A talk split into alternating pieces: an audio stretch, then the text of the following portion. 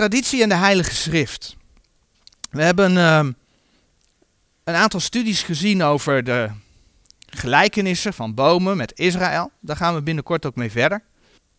We hebben de laatste keer stilgestaan bij de wijzen die de Heer Jezus geschenken brachten. En vandaag wil ik dan toch een stukje over ook de traditie doen, de traditie en de Heilige Schrift.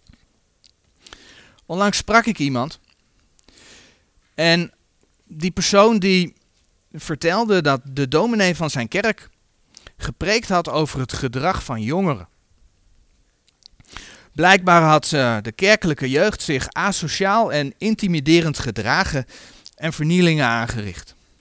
En de dominee had natuurlijk aangegeven dat we dat als christen niet kunnen maken. En daar was dan de preek over gegaan. En die persoon die stelde toen, hoe kan het ook, hè? je leeft het ze jaren voor en dan gebeuren deze dingen. Ik maakte toen een opmerking in de trant van, ja maar wat is gelovig? Vaak gaan mensen wel naar de kerk, maar geloven ze ook met hun hart. En daar ligt het probleem. Het probleem van de kerken is een hartenprobleem. En je ziet het vaker in nieuwsartikelen terugkomen. Dat kerkelijke jeugd gewoon naar de kroeg gaat. Dat er rond oud en nieuw, ook in de Bijbelbelt, zoals dat dan genoemd wordt, vernielingen en veel vernielingen aangericht worden.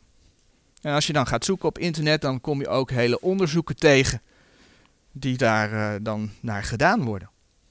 Nou, je komt het op scholen tegen. Als je je kind op een gereformeerde school hebt zitten. En die laat dan je de groepsapp zien, wat we allemaal over de groepsapp gaan. Nou, dat wil, je eigenlijk, dat wil je eigenlijk je kind niet aandoen, maar ja, je kind moet naar school. Je wil het eigenlijk zelf niet eens weten wat er allemaal overheen gaat. Het is gewoon de wereld. Of in elk geval wereldgelijkvormigheid. Zoals gezegd heeft dit te maken met een hartenprobleem. Vaak zie je dat binnen de kerken vanuit de traditie geleefd wordt. Je gaat naar de kerk omdat je ouders christen zijn.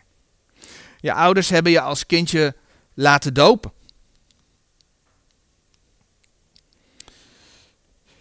En daarom ziet men je binnen de kerk, als je als kindje gedoopt bent, als kind van God. Maar wat zegt de Bijbel er daarover? Nou, op zich kennen we dat wel. Maar Johannes 1, vers 12 zegt natuurlijk: Maar zoveel hem aangenomen hebben, dien heeft hij macht gegeven kinderen Gods te worden, namelijk die in zijn naam geloven. Dat is wat de schrift zegt. Met andere woorden, mensen moeten het eerst zelf willen. Ze moeten de Heer aannemen en dan worden ze een kind van God. Romeinen 10 laat het ook zo mooi zien. Romeinen 10, vers 9 en 10. Namelijk indien gij met uw mond zult beleiden de Heer Jezus. En met uw hart geloven dat hem God uit de doden opgewekt heeft, zo zult gij zalig worden. Want met het hart gelooft men ter rechtvaardigheid en met de mond beleidt men ter zaligheid.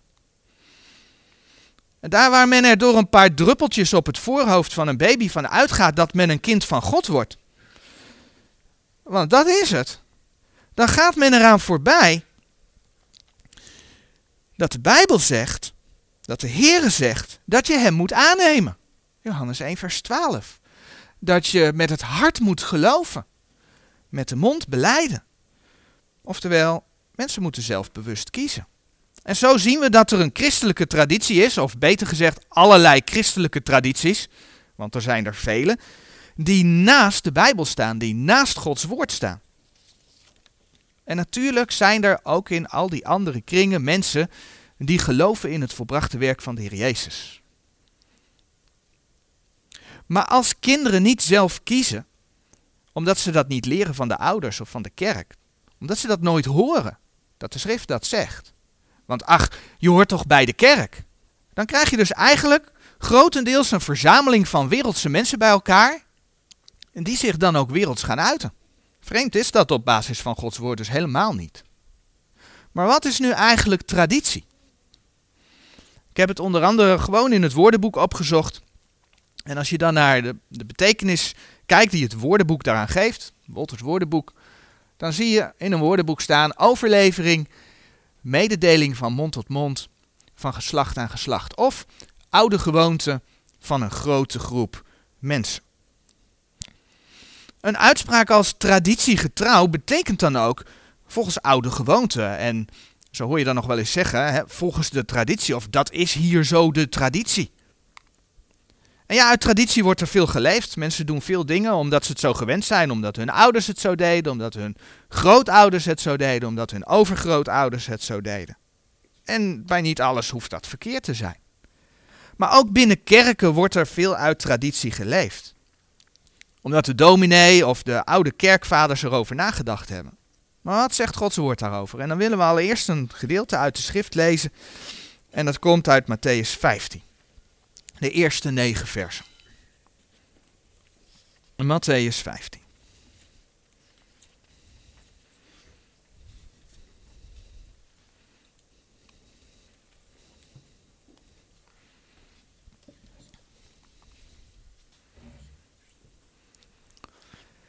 Toen kwamen tot Jezus enige schriftgeleerden en fariseeën, die van Jeruzalem waren, zeggende, Waarom overtreden uw discipelen de inzettingen der oude? Want zij wassen hun handen niet wanneer zij brood zullen eten. Maar hij antwoordende zeide tot hen, Waarom overtreedt ook gij het gebod Gods door uw inzetting? Want God heeft geboden, zeggende, eer uw vader en moeder. En wie vader of moeder vloekt, die zal de dood sterven. Maar gij zegt, zo wie tot vader of moeder zal zeggen, het is een gave, zo wat u van mij zou kunnen ten nutte komen. En zijn vader of zijn moeder geen zin zal eren, die voldoet.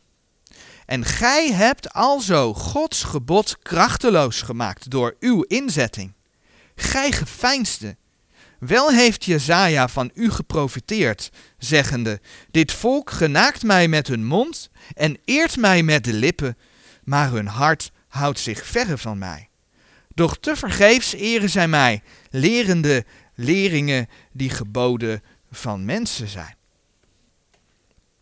Daar waar onze Statenbijbel het woordje inzettingen gebruikt, bijvoorbeeld in vers 2, in vers 3, in vers 6, daar lezen we in de King James Version veelal het woordje traditions, tradities.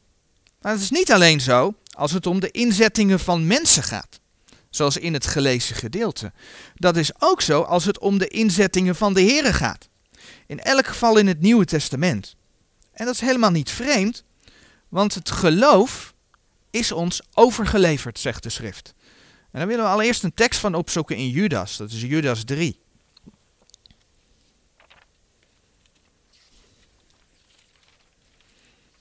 Voor openbaring, het Bijbelboek Judas. Judas kent geen hoofdstukindeling, vandaar Judas 3. Judas vers 3.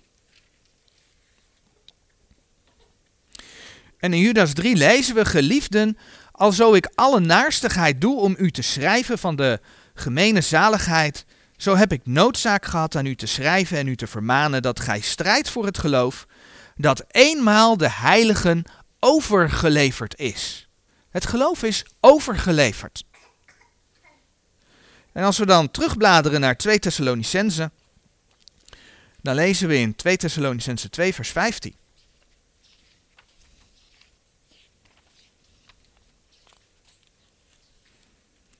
Twee Thessalonicense 2 vers 15. Het volgende. Zo dan, broeders, staat vast en houdt de inzettingen die u geleerd zijn, het zij door ons woord, het zij door onze zendbrief. Dan heb je dat woordje inzettingen. Houd de inzettingen. Ook hier gebruikt de King James Version het woordje traditions. Tradities. Houd de tradities. We worden door de apostel Paulus dus opgeroepen om standvastig te zijn. En om ons te houden aan de inzettingen, aan de tradities die ons geleerd zijn. En Paulus heeft het dan over die u geleerd zijn, het zij door ons woord, het zij door onze zendbrief. We lezen in Thessalonicense, 2 Thessalonicense 2 vers 5 bijvoorbeeld, dat Paulus de Thessalonicense bezocht heeft. Hij is bij hen geweest. Vandaar dat je in dit vers ook het onderscheid ziet tussen woord en zendbrief. Maar uiteindelijk gaat het bij deze inzettingen, bij deze tradities dus om Gods woord. Bijvoorbeeld in 1 Thessalonicense 2 vers 13, de tekst verschijnt hier. Daar lezen we, daarom danken wij ook God zonder ophouden, dat als gij het woord der prediking Gods van ons ontvangen hebt, gij het aangenomen hebt, niet als der mensenwoord, maar gelijk het waarlijk is als Gods woord, dat ook werkt in u die gelooft. Paulus bracht niet het mensenwoord, maar Paulus bracht Gods woord. En het is deze Paulus die van de Heer de boodschap voor de gemeente ontvangen heeft. Die van de Heer zelf het evangelie der genade Gods geopenbaard kreeg. En aan die boodschap worden wij opgeroepen om ons te houden. Kijk ook maar in Gelaten 1. In Gelaten 1, vanaf vers 10. Daar lezen we, want predik ik nu de mensen of God? Want predik ik nu de mensen of God? Of zoek ik mensen te behagen? Want indien ik nog mensen behaagde, zo waar ik geen dienstknecht van Christus. Maar ik maak u bekend, broeders, dat het evangelie het welk mij verkondigd is, van mij verkondigd is, niet is naar de mens. Want ik heb het zelf uh, niet van een mens ontvangen, nog geleerd, maar door de openbaring van Jezus Christus. Alles wat de apostelen verkondigden, kwam in eerste instantie overeen met het Oude Testament. Alleen het ging verder. Gods openbaring ging verder omdat de Heer de boodschap voor de gemeente aan Paulus openbaarde. En die boodschap is ons door de zendbrieven, is ons door het woord van God overgeleverd. Nou, en hoe Paulus die boodschap geopenbaard krijgt kun je ook heel mooi lezen in Efeze 3, vers 1 tot en met 13. Dat gedeelte gaan we nu niet lezen, niet opzoeken, maar dat zou je er nog naast kunnen lezen. Niet mensenwoord, maar Gods woord. Dat is waar het om gaat. En dan zeg ik Gods woord, beter gezegd, Gods woorden. Hij heeft zijn woorden bewaard. En daarom zegt Paulus in 2 Thessalonicense 3, vers 1, daar zegt hij nog, Voorts broeders, bid voor ons, opdat het woord des Heren zijn loop hebben en verheerlijkt worden, gelijk ook bij u.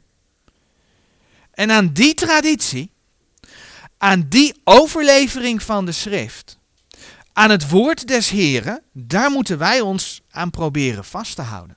Dat is waartoe wij opgeroepen worden. Maar we hebben ook Matthäus 15 gelezen.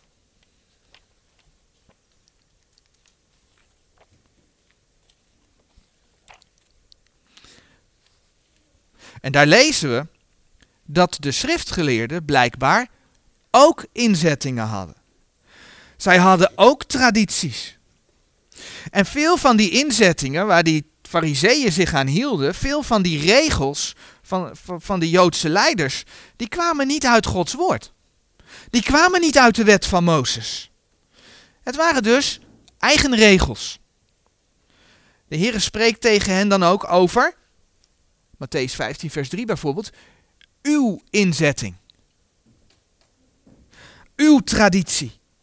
En die vonden zij zo belangrijk dat ze die boven het gebod van God plaatsten. Waardoor ze juist dat gebod van God krachteloos maakten. Zij maakten Gods woord, zij maakten Gods overlevering aan de mensen, maakten zij daarmee teniet. In Matthäus 15, vers 3 hebben we gelezen. Maar hij antwoordende zeide tot hen: Waarom overtreedt gij overtreedt ook gij het gebod Gods door uw inzetting. Vers 6 voegt eraan toe. En gij hebt alzo Gods gebod krachteloos gemaakt door uw inzetting. En dan vers 9 nog. Doch tevergeefs eren zij mij lerende leringen die geboden van mensen zijn.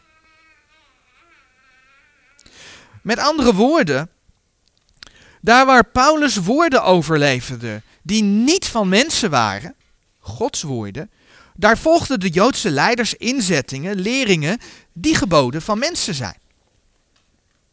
En doordat zij leringen van mensen volgden, maakten zij het gebod van God krachteloos. En Marcus 7, vers 13, en de tekst die verschijnt hier op de dia, daar wordt zichtbaar dat het niet alleen om de geboden gaat, maar dat het om Gods woord gaat.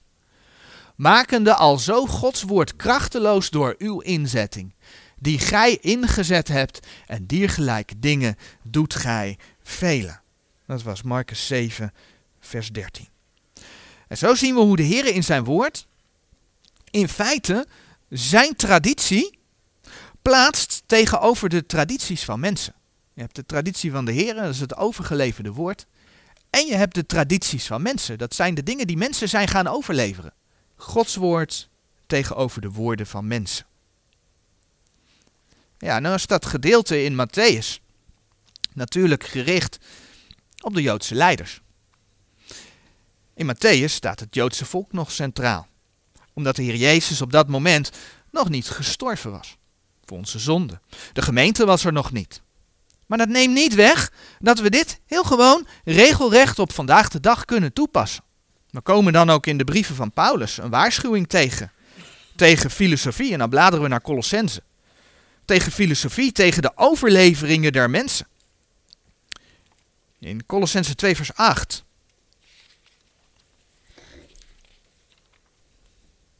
Daar lezen we.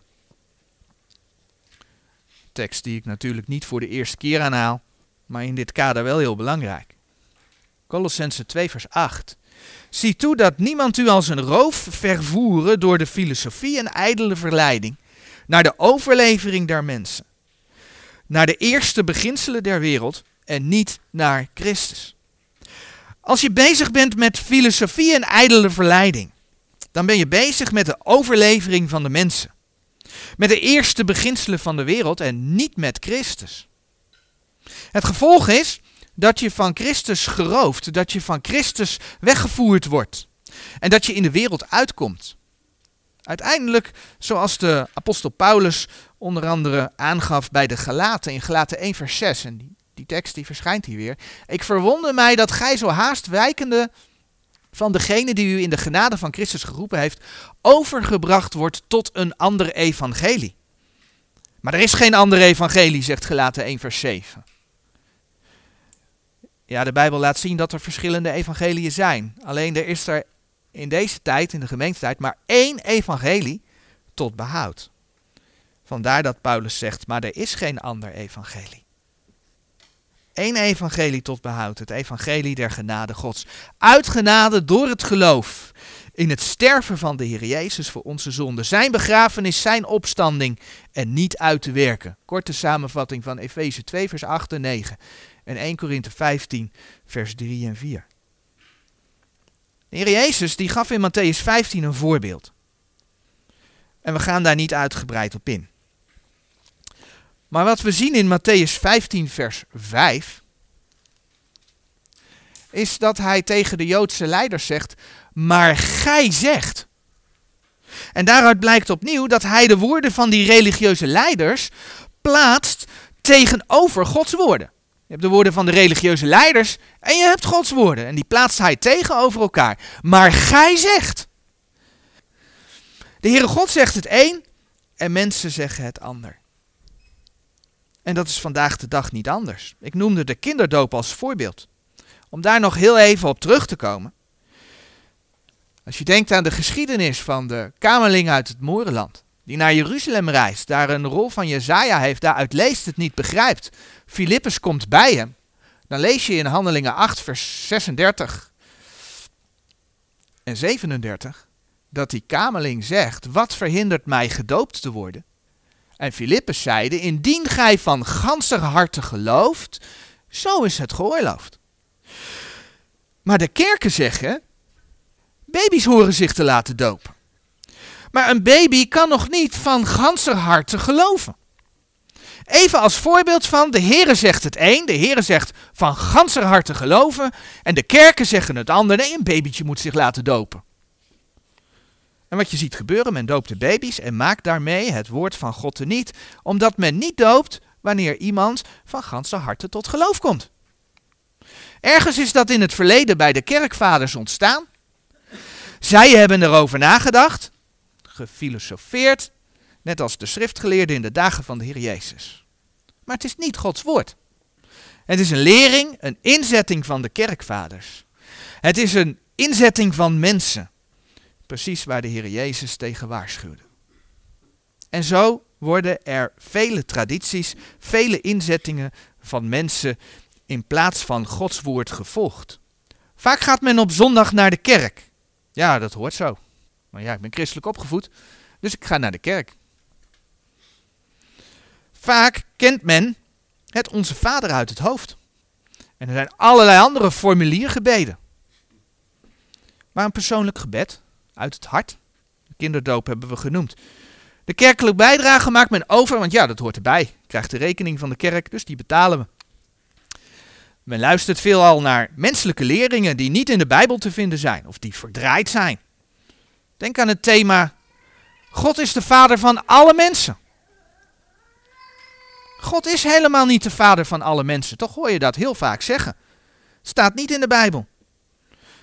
Of dat God niemand naar de hel zou sturen, want ja, God is zo liefdevol. Onze God is een God van liefde. Dat kunnen mensen wel uitspreken. Wat dacht je van de Heer Jezus die op vrijdag gestorven zou zijn aan het kruis? Ook dat is zo'n menselijke traditie.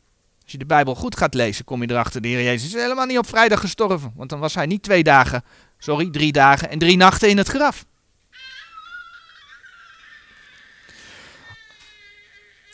Of de hel bestaat helemaal niet. Of de Heer Jezus, nee, die is niet God. De Heer Jezus was een goed mens. Of Maria-aanbidding, of de biecht, of het celibaat. Het bidden van de rozenkrans. Het staat allemaal niet in de Bijbel, maar het wordt wel door kerken geleerd. Zo zegt de Bijbel dat Maria meer kinderen had, profetisch bijvoorbeeld in Psalm 69, vers 9. Maar mensen zeggen vaak wat anders. Zo kunnen we doorgaan met allerlei leringen van, nou, noem ze maar op, dag Adventisten, Jehovah's getuigen, Mormonen. Allemaal leringen van mensen, allemaal tradities van mensen.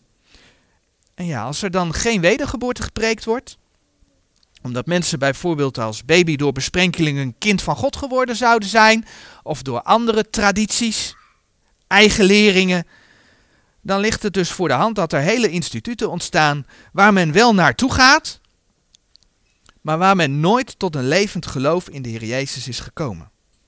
Waar dus veelal wel religieuze mensen samenkomen, maar veelal geen wederom geborenen. En dan is het opnieuw goed om op te merken dat dat niet voor iedereen geldt die in die kerken komt. Daar waar nog wel gesproken wordt over het feit dat de Heer Jezus voor de zonde gestorven is en iemand gelooft dat met zijn hart, wat zegt de Heer dan? En hij beleidt dat, wat zegt de Heer dan?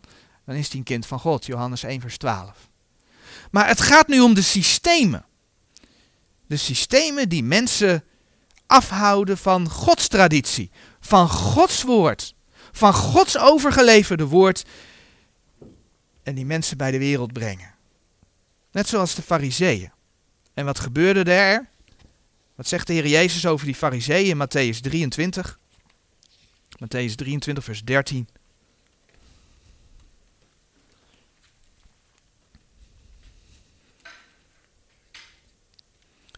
Maar wee u, gij schriftgeleerden en fariseeën, gij geveinsde want gij sluit het koninkrijk der hemelen voor de mensen, overmits gij daar niet ingaat, en degene die ingaan zouden niet laat ingaan. En nee, ik ga de Bijbeltekst niet aanpassen, maar mag ik hem toepasbaar maken op vandaag de dag? Wee u, gij dominees. Wee u, gij evangelisten en voorgangers. Wee u, gij Bijbelgeleerden. Gij geveinsde, want gij sluit het koninkrijk Gods voor de mensen, overmits gij daar niet ingaat en degene die ingaan zouden niet laat ingaan. En dat is precies wat Colossense 2 vers 8 laat zien. De tekst verschijnt hier nog een keer. Dat is precies wat Colossense 2 vers 8 laat zien. Filosofie, menselijke leringen, roven mensen weg bij de Heer Jezus Christus. En mensen komen uit bij de wereld.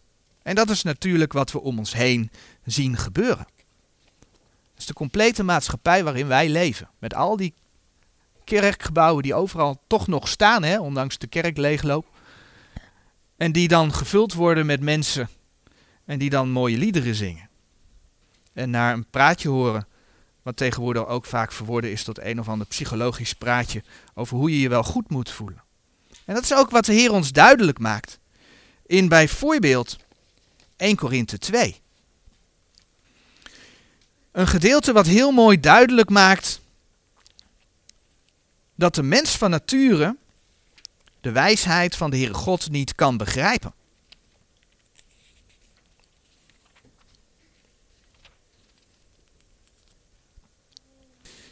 In uh, vers 14 lezen we bijvoorbeeld van 1 Korinthe 2. Maar de natuurlijke mens begrijpt niet de dingen die des geestes God zijn, want zij zijn hem dwaasheid. En hij kan ze niet verstaan omdat zij geestelijk onderscheiden worden. Daar heeft de mens de Heilige Geest voor nodig. Daar moet je voor wederom geboren zijn. Vers 12. Doch wij hebben niet ontvangen de geest der wereld, maar de geest die uit God is. Opdat wij zouden weten de dingen die ons van God geschonken zijn. Je moet wederom geboren zijn. Wij kunnen de woorden van de Heere God spreken. We kunnen schrift met schrift vergelijken. En begrijpen wat de Heere zegt door zijn geest. 1 Korinthe 2 vers 13. En daarmee zien we dat de menselijke wijsheid in feite staat tegenover Gods wijsheid. En daarbij moeten we dan bedenken dat Galaten 5 vers 17 nog zegt.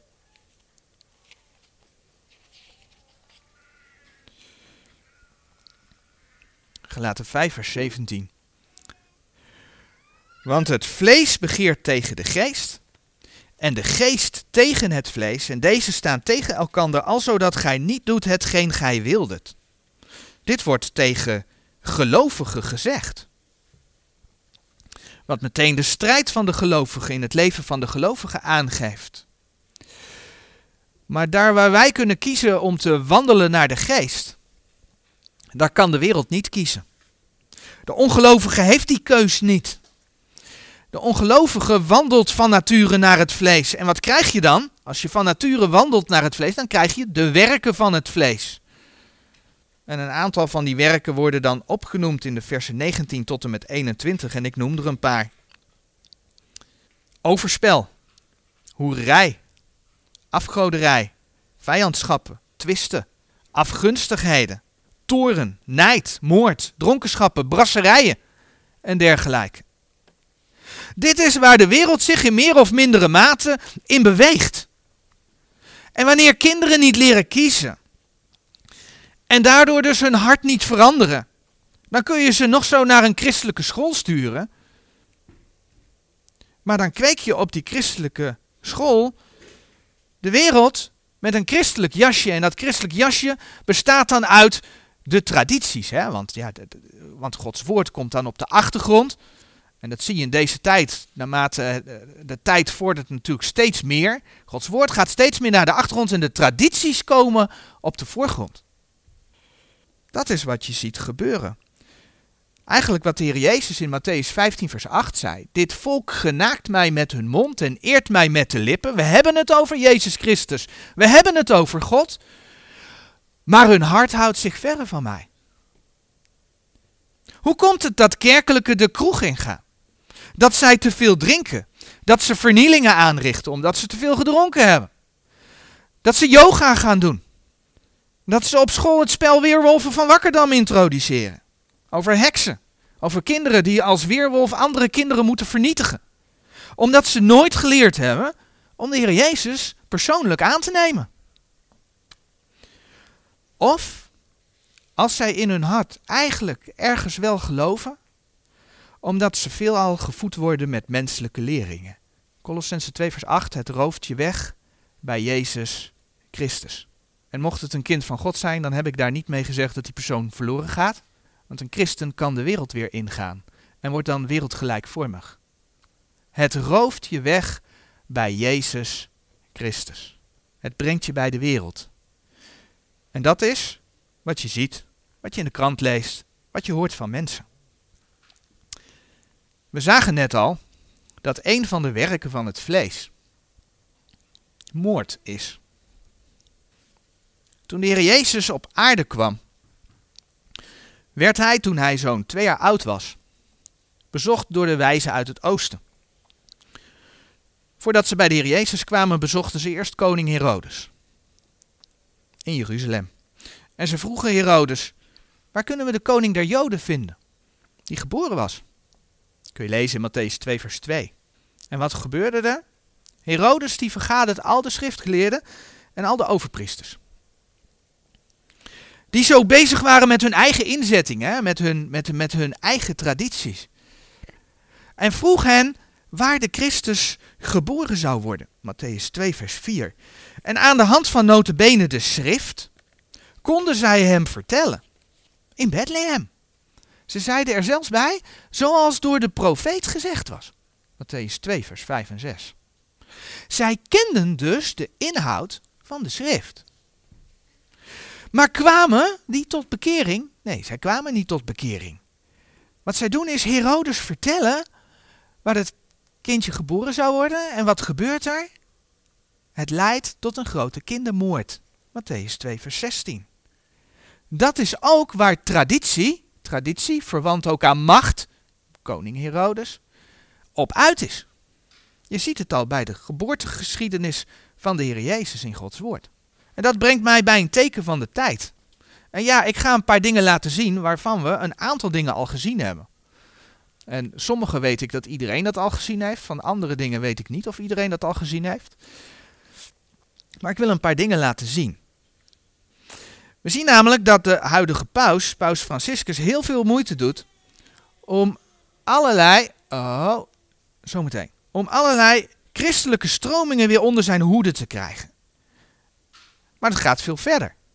Hij wil alle religies onder zijn hoede krijgen. En een van zijn eerste video's die hij als paus de wereld rondstuurde was de volgende. En die hebben we ooit gezien. Ik ga hem toch nog een keer laten zien. Hij zegt dus, velen denken anders, ervaren de dingen op een verschillende wijze. Zij zoeken God of vinden God op vele manieren.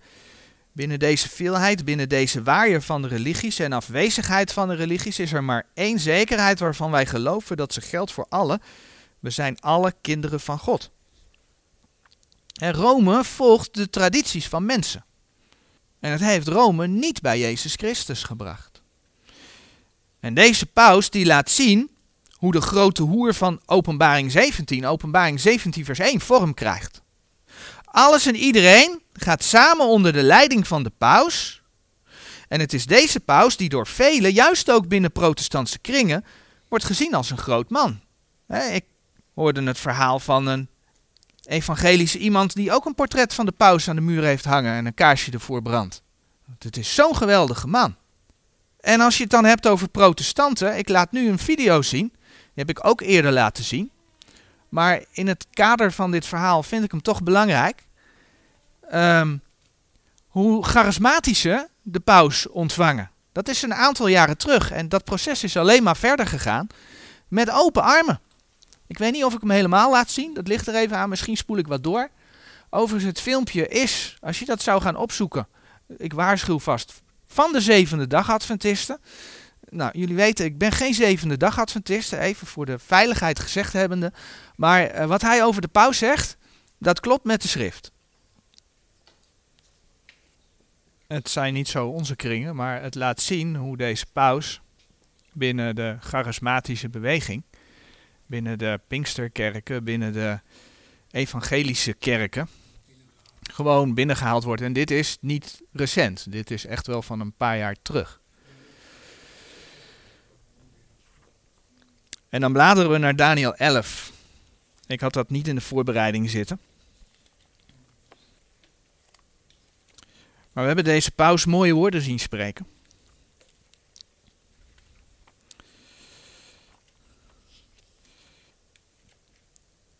En dan lezen we in Daniel 11 hoe de antichrist aan de macht komt. En ik hoop binnenkort nog op Daniel 11 terug te komen.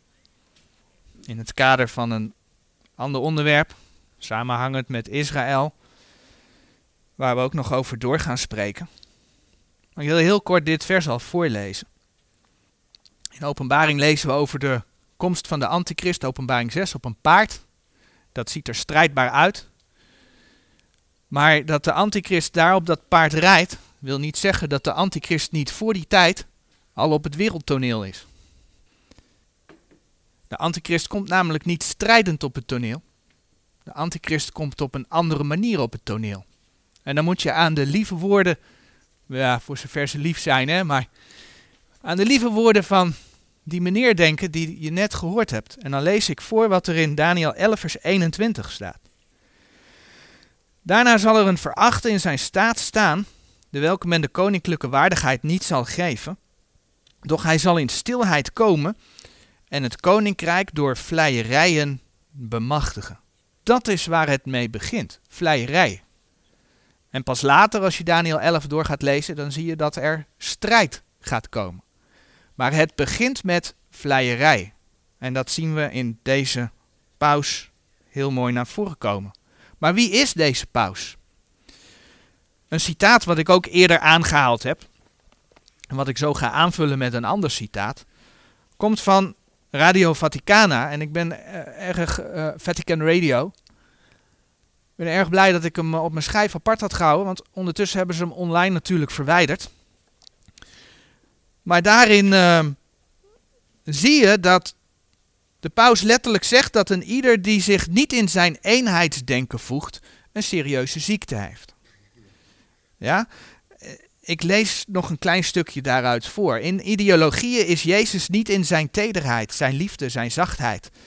En ideologieën zijn stijf, altijd, van elk teken stijf. En wanneer een christen een leerling wordt van de ideologie, heeft hij het geloof verloren. Hij is niet langer een leerling van Jezus. Hij is een leerling van deze houding of gedachte. Het citaat gaat verder. Het geloof wordt ideologie en ideologie maakt bang. Ideologie jaagt de mensen weg, creëert afstand, distancieert de mensen en distancieert van de kerk van de mensen. Maar het is een serieuze ziekte, deze van de ideologische christenen. Het is een ziekte, maar het is niet nieuw. Hè? Tot zover het citaat van de paus. En je begrijpt wie voor de paus de ideologische christenen zijn.